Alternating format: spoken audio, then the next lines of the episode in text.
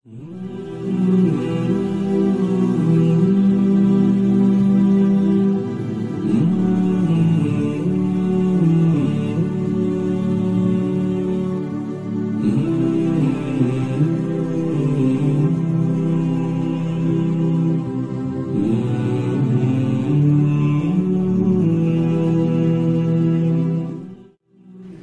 terjadi Bapak Ibu sekalian ada seorang uh, kisah nyata di Saudi, seorang uh, pramugari yang saya tahu pramugari dari penerbangan kita, yang kisahnya sempat dibahas oleh para ulama di Saudi.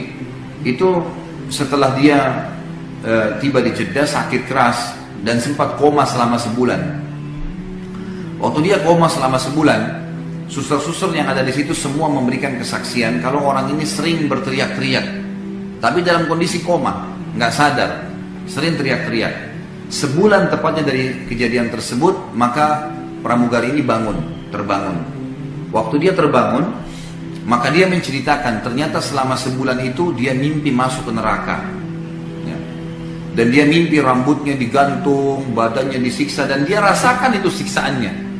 Dia betul-betul merasakan sakitnya, siksaannya, juritannya, dia semua rasakan dan dia lihat neraka orang-orang disiksa selama sebulan. Semenjak itu, waktu dia sadar, dia bertobat kepada Allah Subhanahu wa taala dan meneruskan sisa hidupnya dengan ketaatan kepada Allah.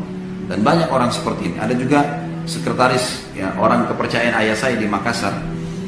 Dulunya saya tahu waktu saya masih kecil, saya masih SD, orang ini perbuatannya masih banyak perbuatan kefasikan, gitu kan. Maka saya tahu sendiri perbuatan-perbuatan yang kadang-kadang dilakukan, tapi semoga Allah tutupin lah, semoga Allah maafkan. Subhanallah, beberapa tahun setelah itu saya lihat, saya pas kuliah di Madinah, saya pulang liburan, terus saya lihat orang ini kok berubah, gitu. azan ke masjid, gitu. Karena kebetulan waktu itu ada pabrik seng yang dibuat, eh, yang dimiliki oleh ayah saya, orang ini kerja di situ. Gitu. Maka saya tanya, kenapa kok uh, Om, saya panggil Om itu, kenapa kok bisa berubah seperti ini? Dia bilang, saya mimpi Khalid, saya masuk ke neraka. Dan ini sebuah nikmat yang Allah kasih sebenarnya buat dia ya. Dan lihat neraka dan saya lihat orang disiksa, orang dipukul, orang dicincang, orang macam-macam.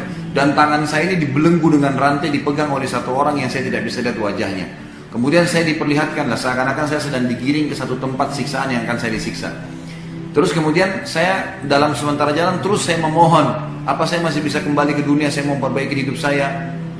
Orang itu tidak jawab sampai dikelilingi semua tempat-tempat siksaan ini dan saya lihat sendiri orang teriak, orang kesakitan, orang ini. Sampai akhirnya dia mengatakan masih ada sisa umur yang tersisa buat kamu. Kalau kau mau tobat masih bisa. Kemudian dia pun akhirnya bangun dan sadar. Mulai semua itu jadi menjadi orang baik dan alhamdulillah sampai sekarang masya Allah orangnya sudah dalam ketaatan kepada Allah Subhanahu Wa Taala.